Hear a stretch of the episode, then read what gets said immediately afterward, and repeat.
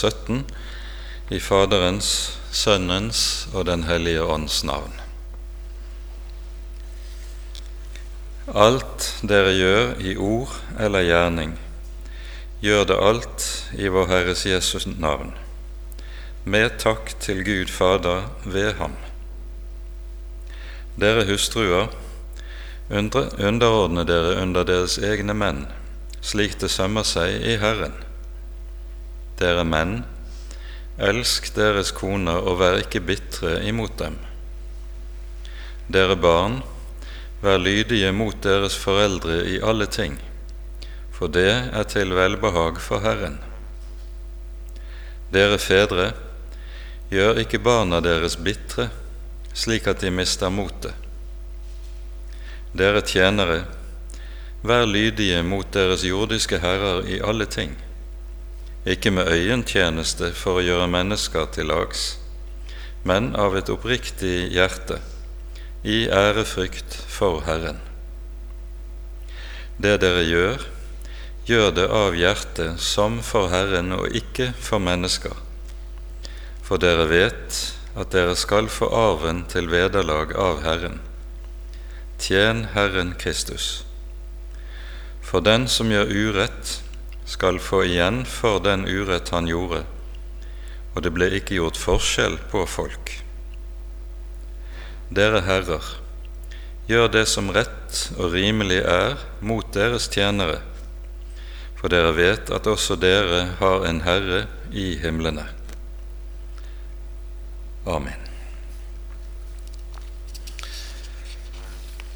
Som vi nevnte sist gang, så er det Martin Luther som eh, innfører begrepet hustavle på disse avsnittene som vi her har for oss i Det nye testamentet.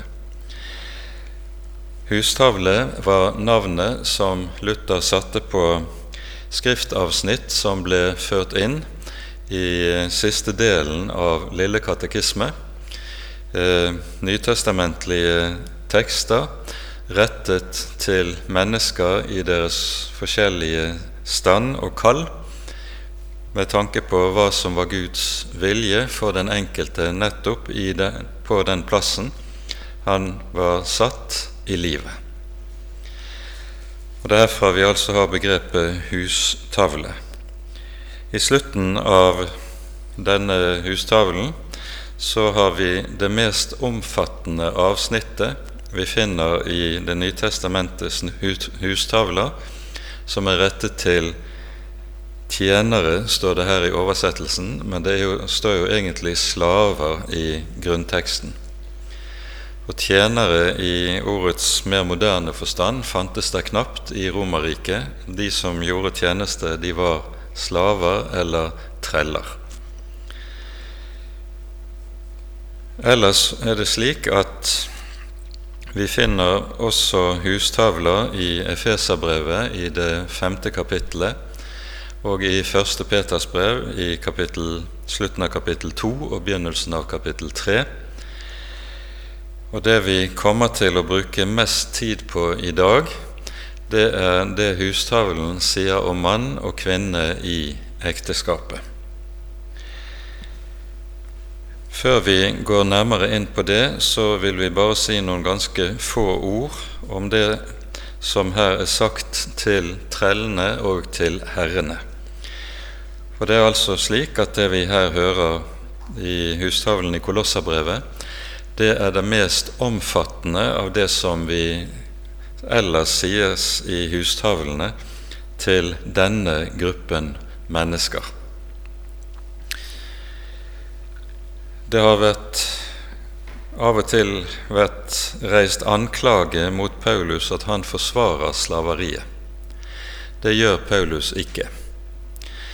Men det er slik at Det nye testamentet ikke kommer med noe sosialpolitisk reformprogram, slik at de kristne formanes til rett og slett å innrette seg etter de ordninger som er i samfunnet for øvrig, og så skal slavene utføre sin oppgave der hvor de er.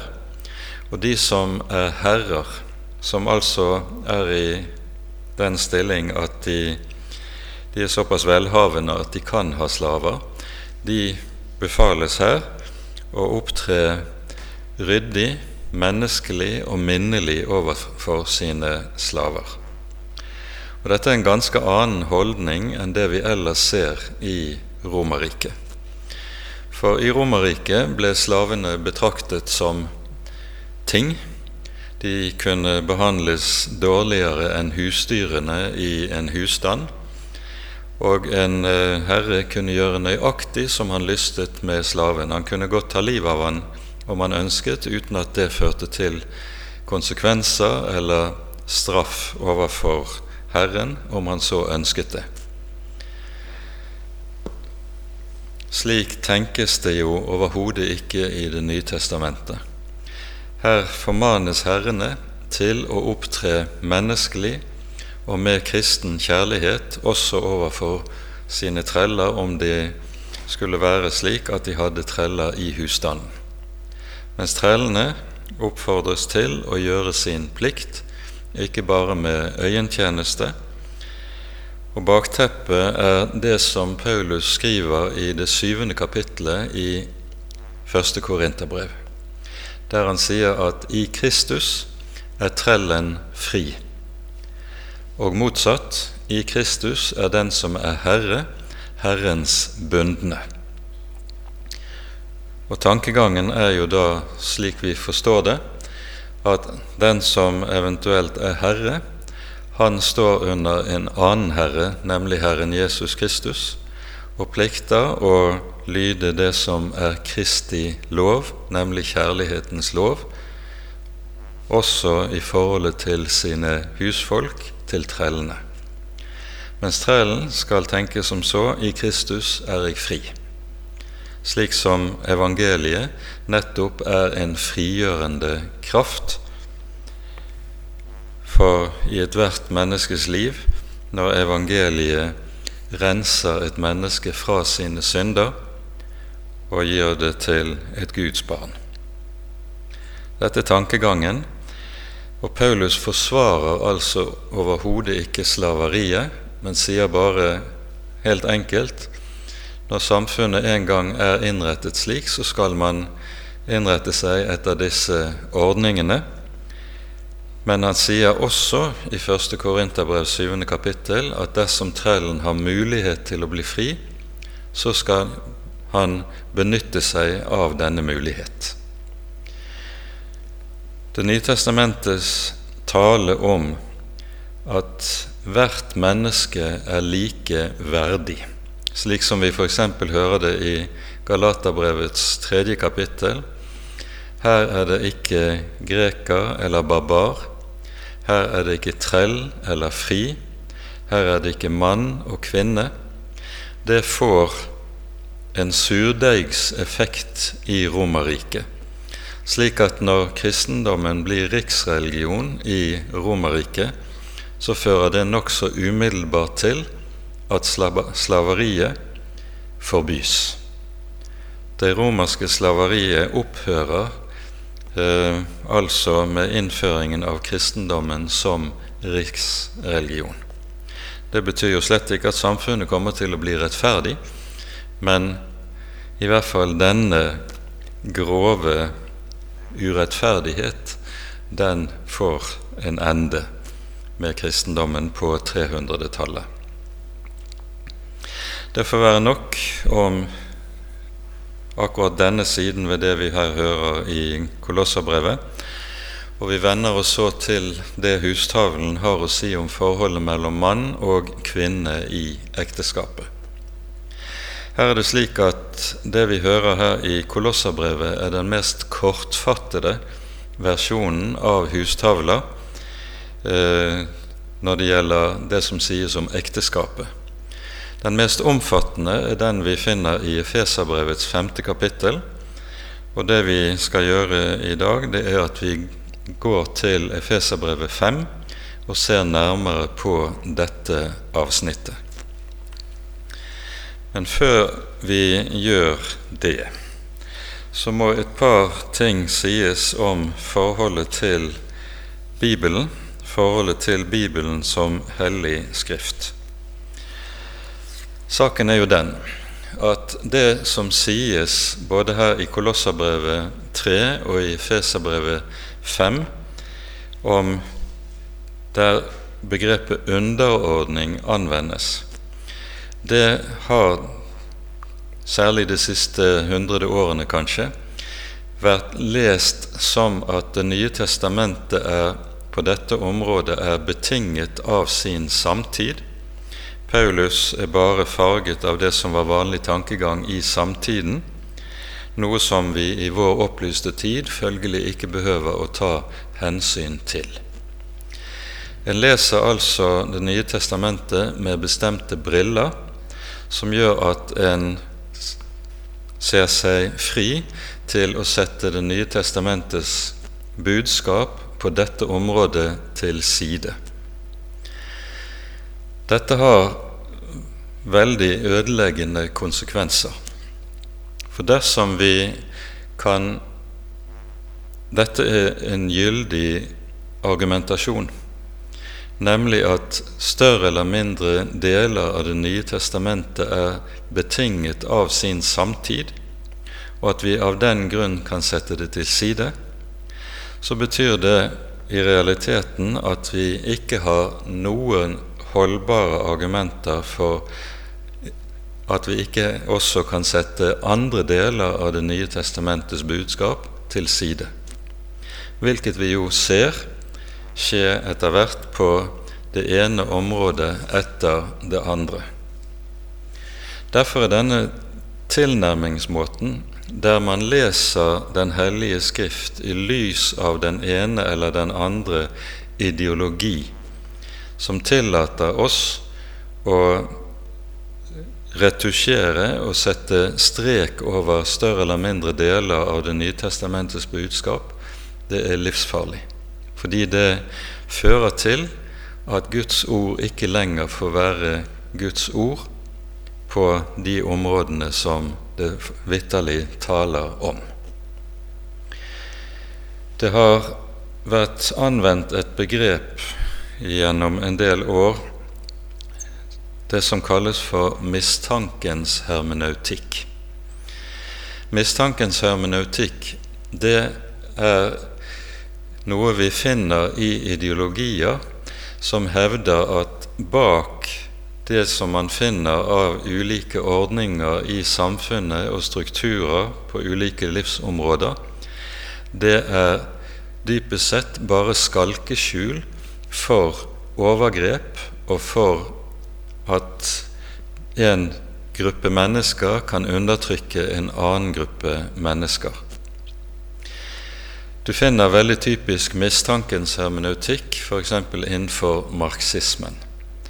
Her hevdes det at samfunnets strukturer er bygget opp på en slik måte at den herskende klasse kan undertrykke arbeiderklassen, og alt det som ellers er av lovgivning, av religion, av kunst og kultur, det er bare tankemessige overbygninger som skal kunne legitimere denne undertrykkelsen. Senere dukker Freud opp.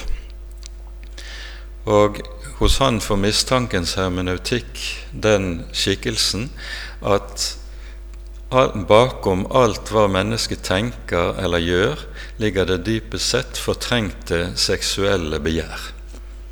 Dette er meget forenklet, men på ny er det slik at det som er menneskets faktiske eh, liv, det blir bare et skalkeskjul for noe ondt bakenforliggende. Så dukker feminismen opp, og her blir det da slik at en ser på alt som er av strukturer, også tankebygninger i samfunnet, som uttrykk for patriarkatet, for mannens ønske om og behov for å undertrykke kvinnen. Og sånn kan vi fortsette. Denne mistankens hermeneutikk møter vi eh, overalt i de nyere ideologier. Og den er satt ord på meget tydelig av en av de postmoderne franske filosofene, Michel Foucault, som hevder at ethvert påbud som sier noe at noe er rett og noe annet galt, eller enhver påstand som sier at noe er sant og noe annet er usant, det er et uttrykk for Det er et overgrep der et menneske søker å få undertrykke et annet menneske. Og dermed blir enhver sannhetspåstand, enhver moralsk påstand, blir i seg selv mistenkelig og blir i seg selv illegal. Da er det dratt ut i sin ytterste konsekvens, og konsekvensen er da at det er ingenting som er sant, det er ingenting som er rett og godt. Alt er bare noe som er personlige preferanser. Og hvis jeg hevder at noe er sant og godt, så gjør jeg det for å undertrykke andre mennesker. Dette er mistankens hermenautikk. Og slik er det man også har innenfor feminisme og nyere kjønnstenkning lest disse tekstene i Det nye testamentet som taler om forholdet mellom mann og kvinne i ekteskapet. Følgelig så blir disse tekstene bare uttrykk for eh, patriarkatets ønske om å undertrykke kvinnen, eller for heteronormativitetens ønske om å undertrykke andre eh, for å undertrykke seksuelle minoriteter. Denne måten er det helt alminnelig å lese Det nye testamentet på. Og innenfor Den norske kirke f.eks. så er dette det som er måten man leser Det nye testamentet på innenfor det som kalles for åpen kirkegruppe eller åpen folkekirke, som jo i dag er i den stilling at de har flertall i kirkemøtet og i bispemøtet. Dette er, må sies som en innledende parentes til det vi nå skal ha for oss, for problematikken blir jo da nettopp i forhold til Bibelen hvis man tilnærmer seg Den hellige Skrift med et slikt utgangspunkt, så opphører Bibelen å være hellig skrift. Den blir i stedet bare et tidsbetinget dokument som forteller om hvorledes en tenkte i samtiden, og det kan ikke være bindende for oss i våre dager. Og dermed Skriftens autoritet og Skriftens guddommelige inspirasjon ødelagt. Dermed er Skriften ikke lenger hellig skrift. Og det er det som er det store problemet vi står overfor i dag når vi skal tilnærme oss sånne tekster som vi står overfor i hustavlene. Når dette er sagt, så får det stå slik, og så tar vi for oss hustavlen i Efeserbrevet kapittel 5 og her leser vi fra vers 21.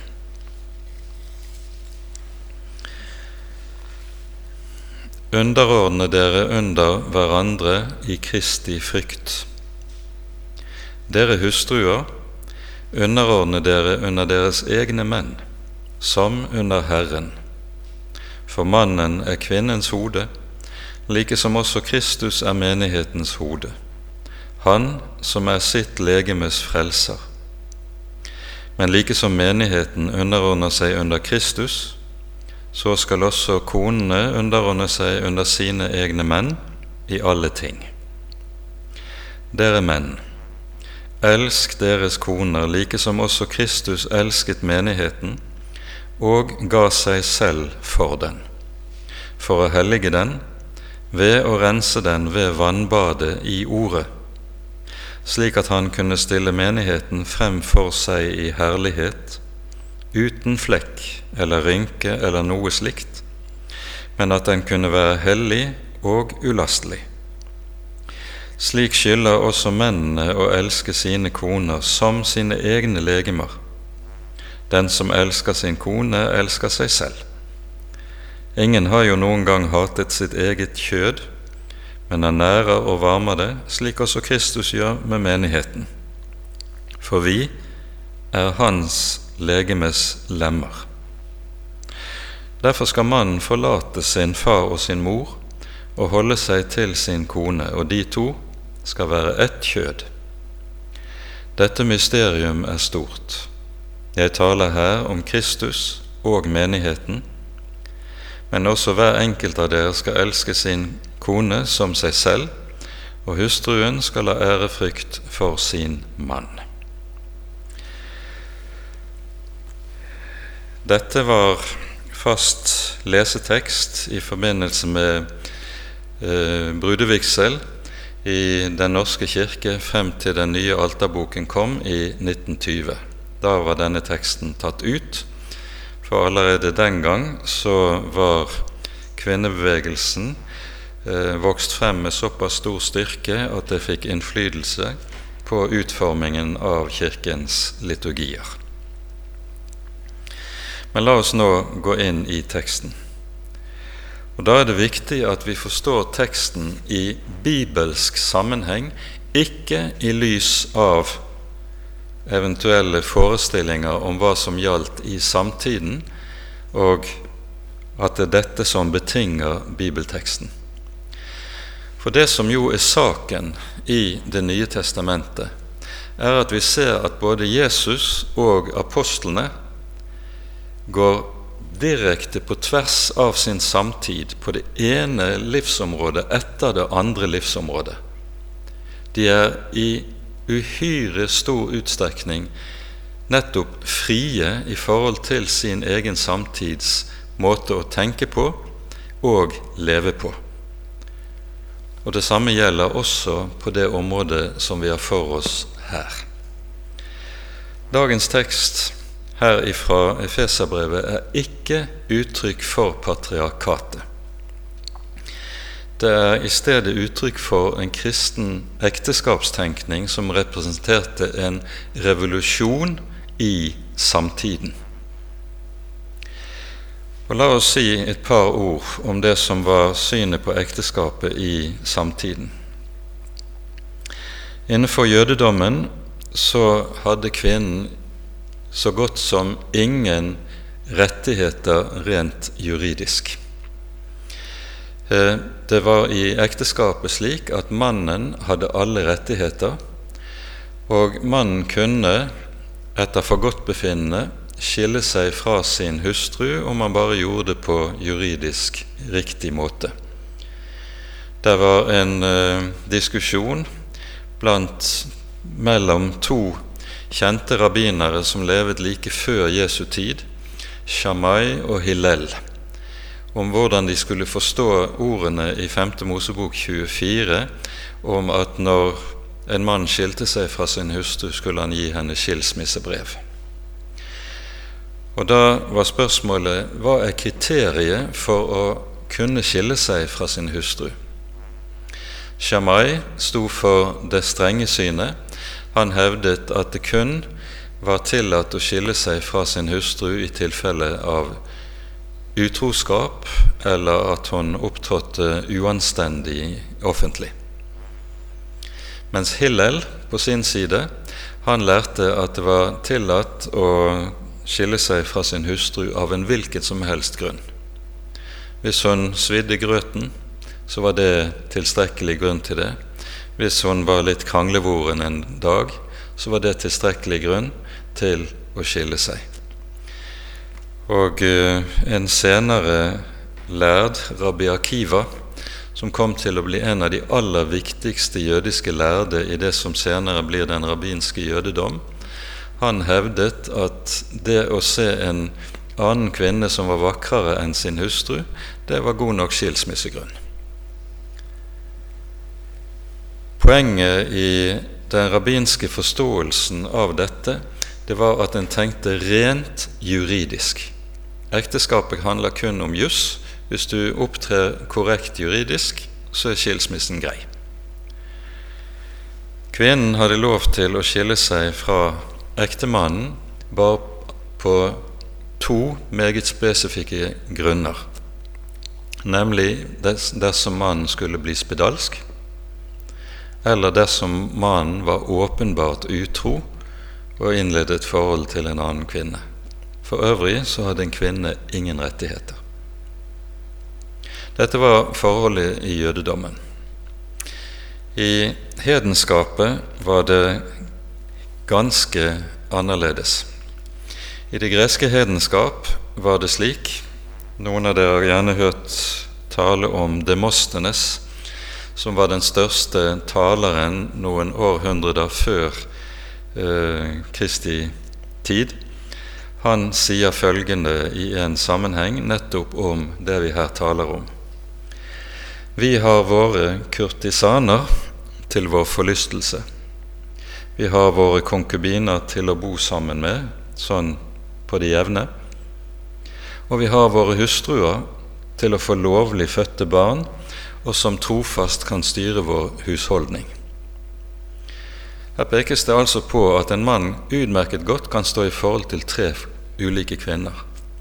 Sin hustru, sin konkubine, det vi vil kalle en mer tilfeldig samboer, og kurtisane, som jo var en prostituert. Og det var helt normalt i gresk samtid. Um, I romersk kultur var det slik at de første 500 årene etter Roms grunnleggelse Rom var grunnlagt år 753 før Kristus. De første 500 årene etter Roms grunnleggelse fantes det ikke en eneste skilsmisse i Rom. Romerne, så de klassiske romere, satte ekteskapet meget høyt. Men fra rundt år 200 skjer det en galopperende moralsk oppløsning i Romerriket. Så når du kommer til keisertiden, så kan keiser Augustin befale en mann å skille seg fra sin hustru fordi han selv hadde lyst på denne kvinnen som sin egen hustru. Du hører om kvinner som i løpet av en periode på fem år er gift med åtte forskjellige menn.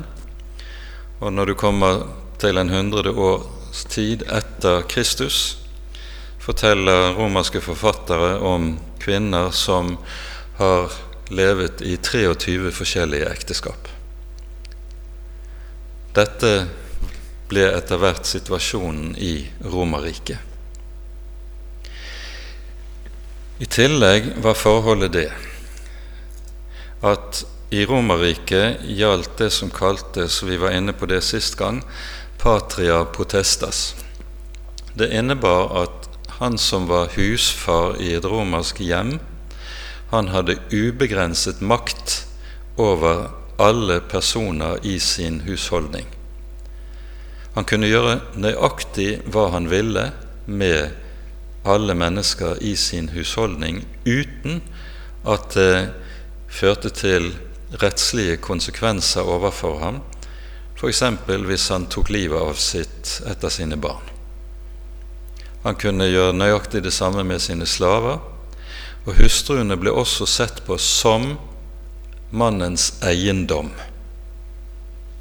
Dette var tankegangen i det romerske hedenskap.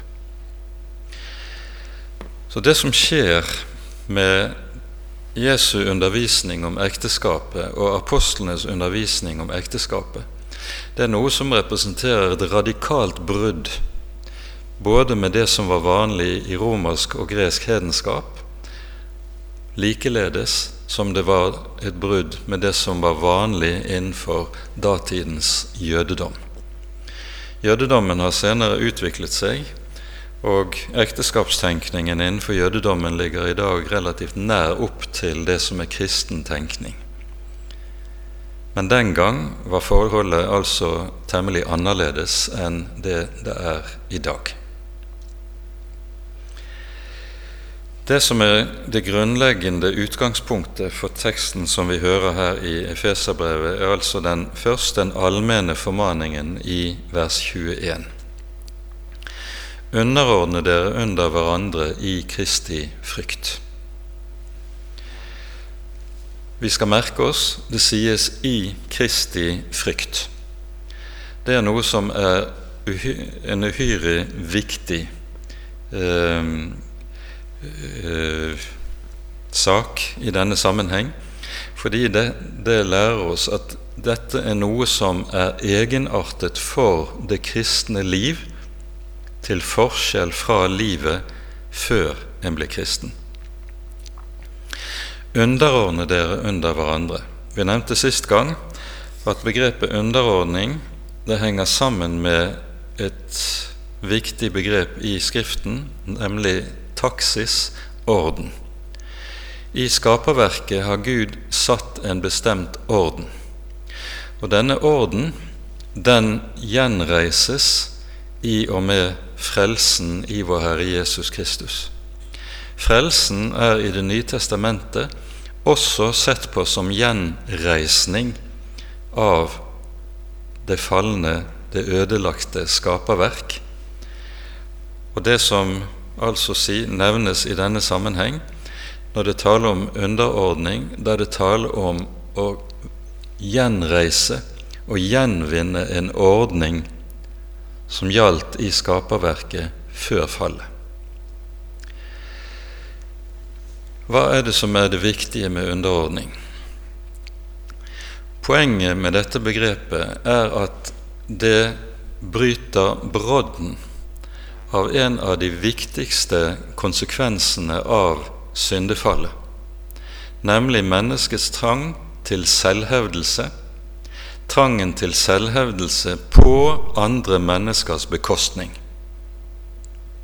Og den selvhevdelsen den er også noe som gjør seg gjeldende i ekteskapet, og ofte har gjort det slik at ekteskapet kan bli en krigssone snarere enn det som det var ment til å være fra Guds side. Underordning hører med som en del av det grunnleggende ved hele det kristne perspektivet på livet. Vårt forbilde her er Jesus selv. Og Da skal vi lese fra Matteusevangeliets 20. kapittel der Jesus taler nettopp om forskjellen mellom hvorledes en tenker i verden, og hvordan Guds rike skal være preget. Vi leser Matteus kapittel 20 fra vers 25. Jesus kalte de tolv til seg og sa:" Dere vet at fyrstene hersker over folkene sine, og stormennene deres har makt over dem. Slik skal det ikke være blant dere. Men den som vil være stor blant dere, han skal være de andres tjener. Den som vil være den første blant dere, skal være de andres trell. Like som menneskesønnen ikke er kommet for å la seg tjene, men for selv å tjene og gi sitt liv til en løsepenge for mange. Dette er grunnloven i Guds rike for hvordan vi som Guds barn skal forholde oss til hverandre. Og Det beskrives altså hos Paulus ved hjelp av begrepet underordning. Det handler ikke om at jeg skal overordne meg andre mennesker for å herske over dem beherske dem, styre over dem. Nei, hvert kristent menneske skal tenke motsatt, slik som Jesus lærer oss i denne teksten. Sånn at begrepet underordning hører uløselig sammen med begrepet å tjene hverandre.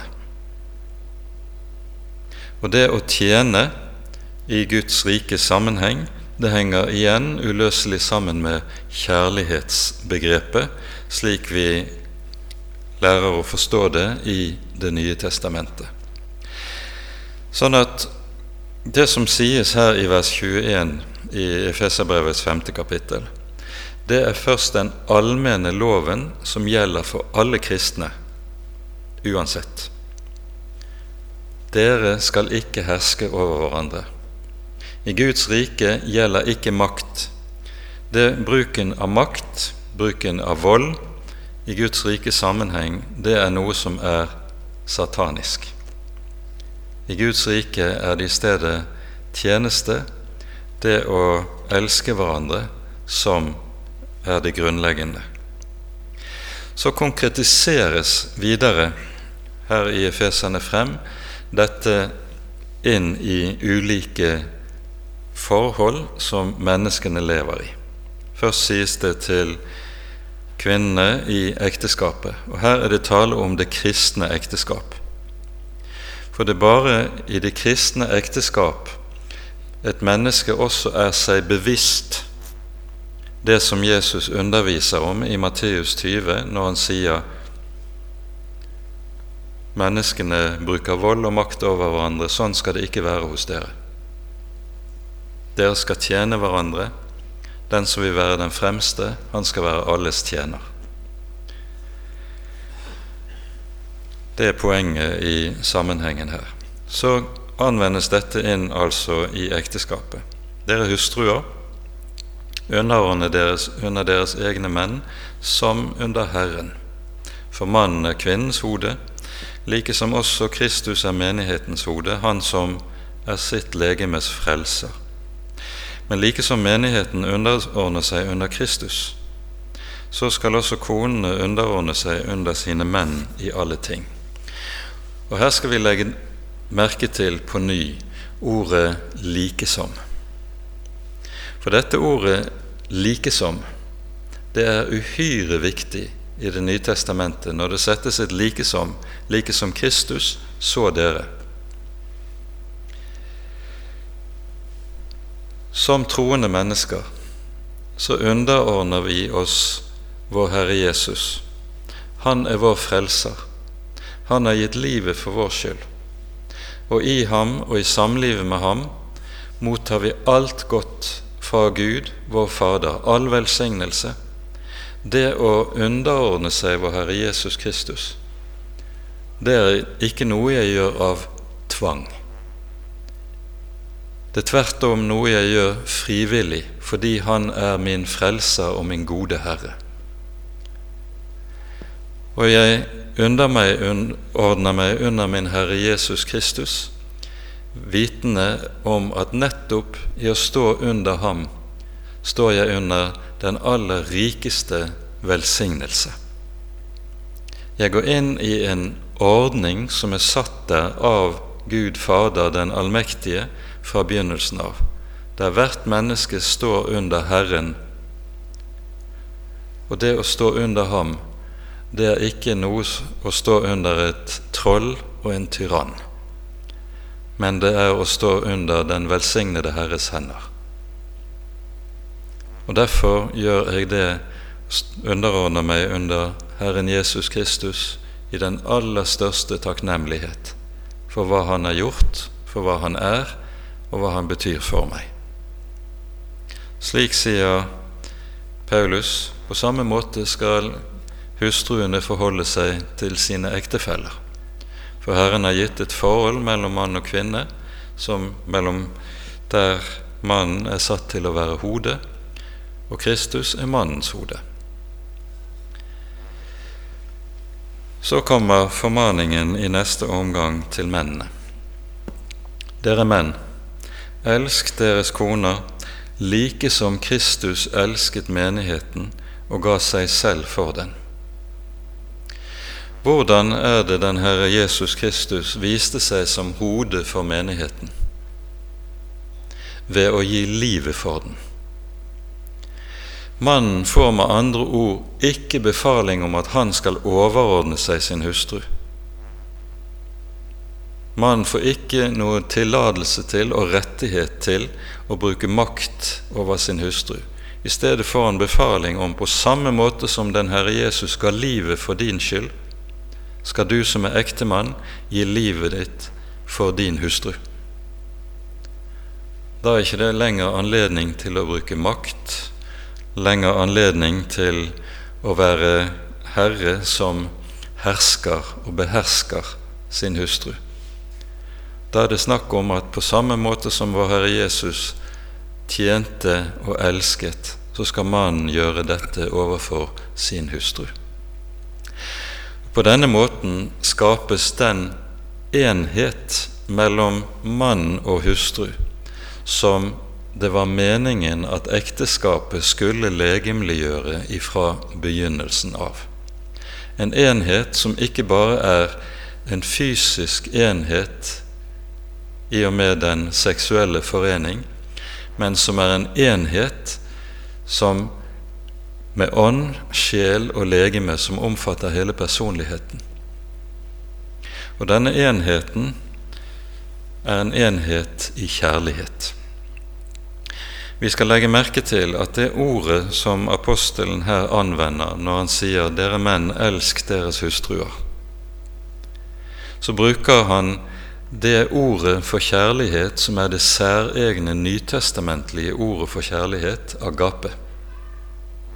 Han bruker ikke det ordet som mange ville tenkt var det naturlige ordet, som har med erotikk å gjøre. Erotao er det greske verbet. Det anvender han ikke. Men han anvender ordet agape, som anvendes om den guddommelige kjærligheten. Og den guddommelige kjærligheten har nettopp det med seg at den ofrer seg selv for den som er den elskede. Når Jesus sier til disiplene 'like som jeg har elsket dere, skal dere elske hverandre', så er det dette som menes i denne sammenheng. Og på denne måten så får du en forening mellom mann og hustru i ekteskapet som nettopp bryter brodden av den trangen til selvhevdelse som syndefallet bærer med seg. Det innebærer at det vi leser i dette avsnittet, det er overhodet ikke uttrykk for en patriarkalsk tenkemåte, men det er uttrykk for den genuine kristne ekteskapstanken, der tjenesten for hverandre settes som det konstituerende i ekteskapet. Og dette settes som grunnleggende nettopp med tanke på at syndens herredømme, som har det med å ødelegge ekteskapet, den skal brytes.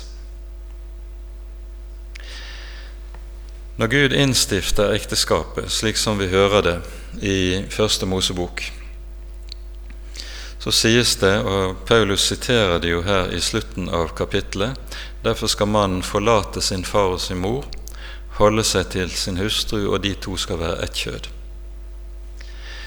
Dette er jo en del av det som ødelegges i og med syndefallet, på en slik måte at det er så mange ekteskap som blir kampplasser og ofte ødelegges ekteskapene på grunnleggende vis,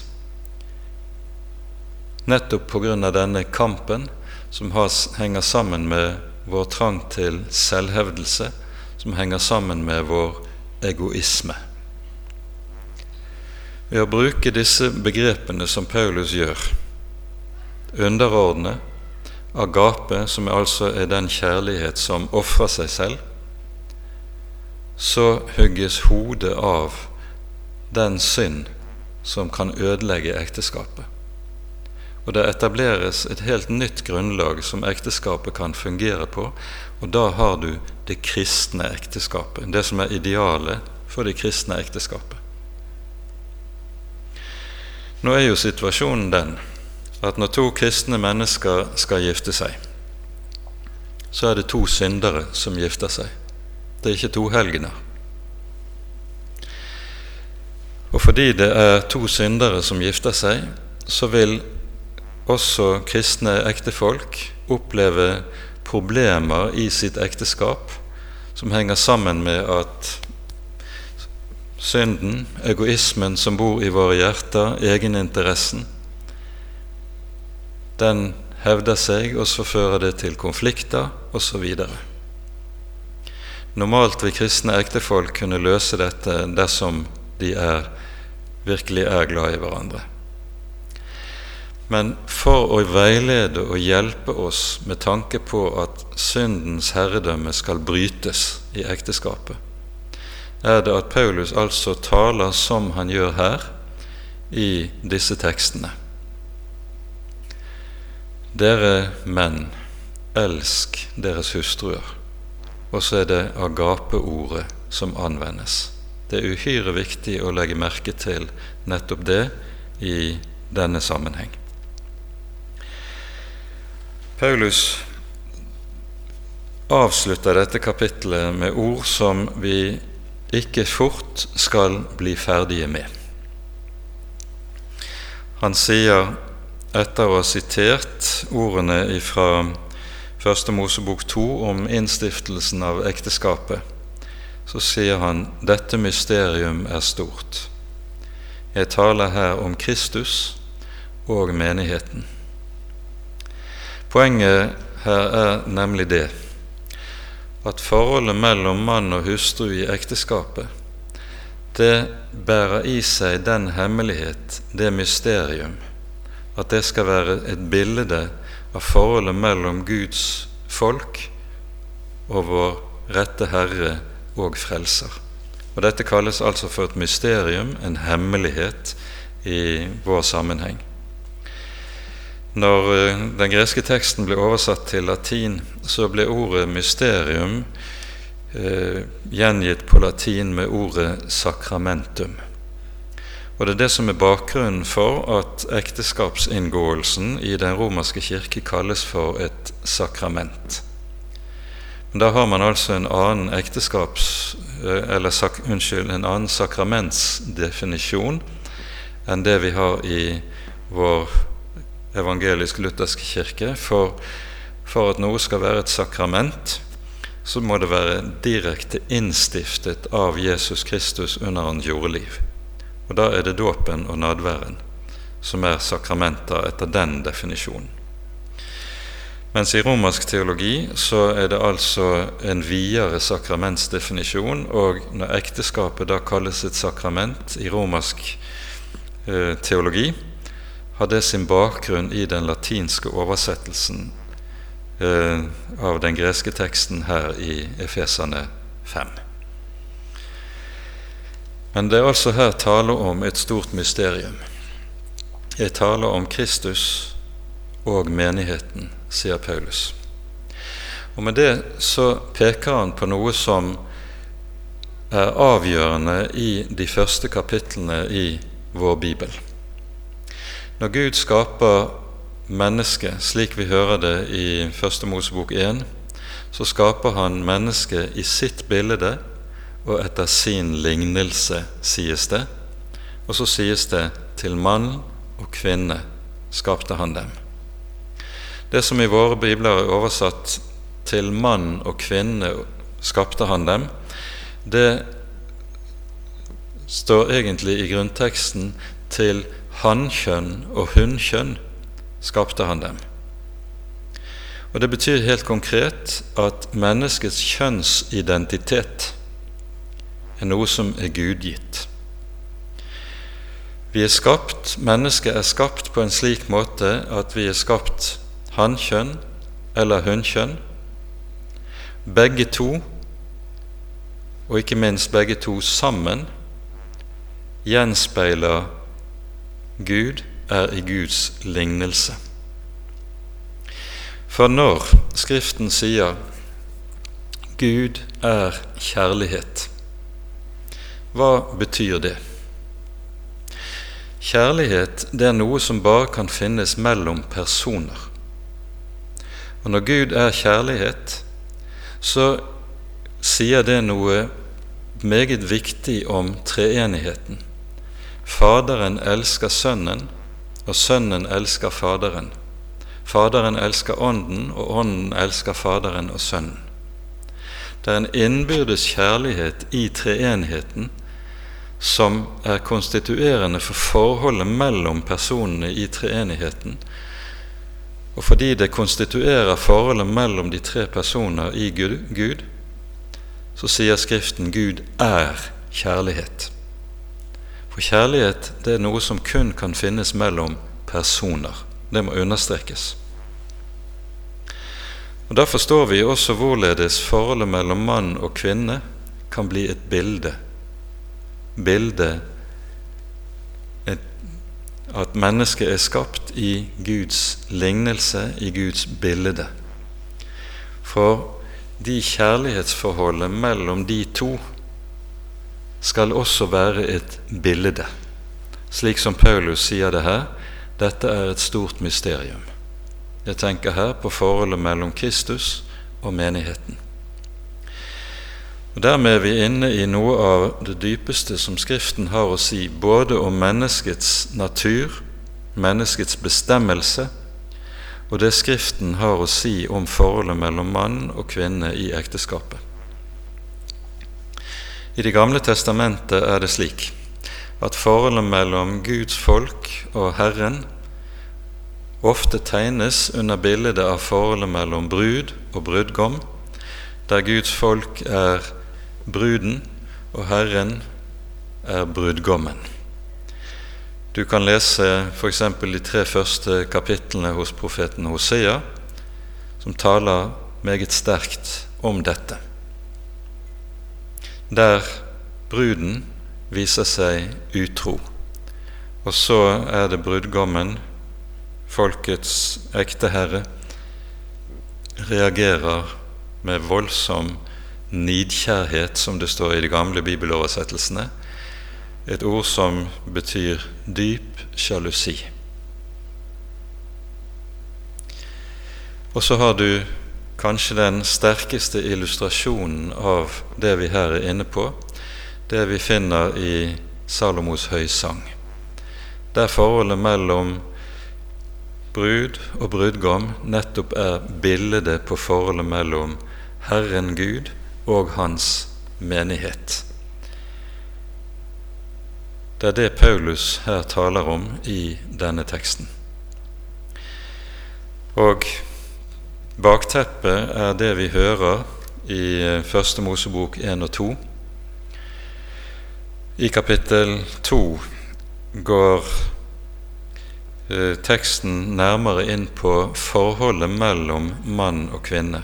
I kapittel 1 sies det bare mennesket er skapt som mann og kvinne, og begge er Guds bilde.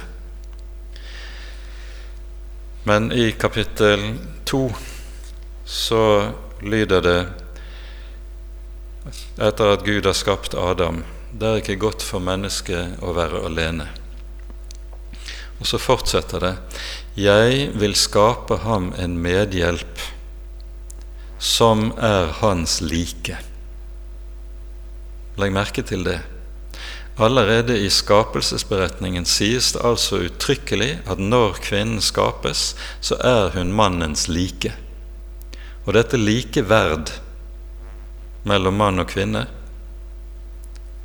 det er noe som allerede er gitt i skapelsen, og som altså understrekes i de tekstene som vi har om ekteskapet. Og i Galaterne 3,28 her er det ikke mann og kvinne. Det er et likeverd som Bibelen understreker med aller stor, største styrke. Men likeverdet innebærer ikke at det ikke er noen orden. Tvert om, det er en orden. Gud har skapt en ordning i forholdet mellom mann og hustru også, og det er det vi her så vidt er inne i. Så hører vi om skapelsen av Eva i Første Mosebok 2.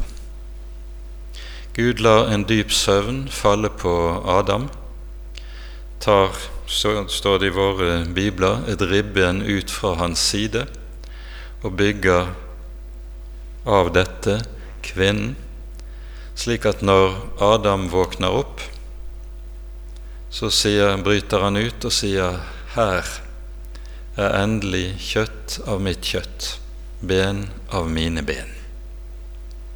Her gjenkjenner han en som er sin like, som han hører sammen med. Like fra jødisk tradisjon og også oppover gjennom hele middelalderens tolkningstradisjon har denne teksten vært lest slik at en har sagt det at når Eva skapes, så skapes hun ikke av Adams hode, for hun skulle ikke være hans herre. Hun skapes ikke av Adams føtter, for at Adam ikke skal trakke på henne. Hun skapes ikke av Adams hånd, for at hun skal være hans tjener, men hun skapes av hans ribben, for det ligger hans hjerte nærmest.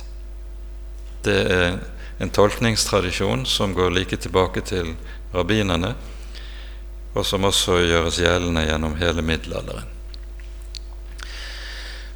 Men det ligger også noe dypere i dette.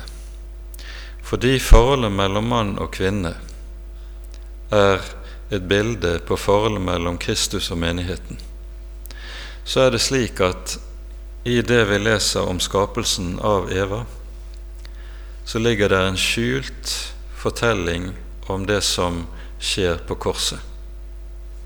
Ordet som i Første Mosebok 2 er oversatt med en dyp søvn, det er et ord som også brukes om døden i Bibelen. Og på samme måte er det altså den Herre Kristus går inn i døden. Hans side gjennomstenges, og ut av hans side vinnes menigheten. Slik at når Kristus står opp av de døde og hans menighet blir til, kan han også bryte ut og si 'Her er endelig ben av mine ben, kjøtt av mitt kjøtt'. Og så ser Bibelen frem mot det som er det hellige bryllupet, lammets bryllup, slik vi leser om det i Johannes' åpenbaring i det 19. kapittel. Dette tankegangen, dette billedbruken. Kristus forlot sin far for å holde seg til sin hustru, som er menigheten, for å vinne henne og bli ett med henne. Og det er dette mysteriet som ekteskapet skal være en anskuelsesundervisning om, ekteskapet skal minne om. Men vi understreker at her er det tale om det kristne ekteskap. Det sies uttrykkelig 'i Herren'. For når det her er tale om det dypeste i kristen kjærlighet, at det handler om å tjene hverandre, gi seg selv for hverandre, så dette er et krav som er umulig å gjøre gjeldende på verdslig område blant ikke-kristne mennesker. Men dette er den kristne ekteskapstenkningen. Og når verden ser noe av dette virkeliggjort, så aner de også noe av hvilken gave det er Gud ga mennesket når han ga mennesket å være mann og kvinne og ga de to til hverandre. Dette får være gjennomgang av hustavlen, og forhåpentligvis så skjønner man ut fra dette at det her ikke taler om en patriarkalsk måte å lese inn forholdet mellom mann og kvinne. Det er noe langt dypere som har med frelsens og skapelsens dypeste mysterium å gjøre. Og Med det setter vi punktum for kveldens bibeltime.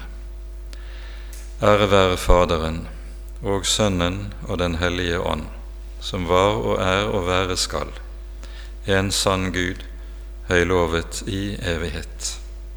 Amen. La oss sammen be Herrens bønn. Vår Far i himmelen. La navnet ditt helliges, la riket ditt komme.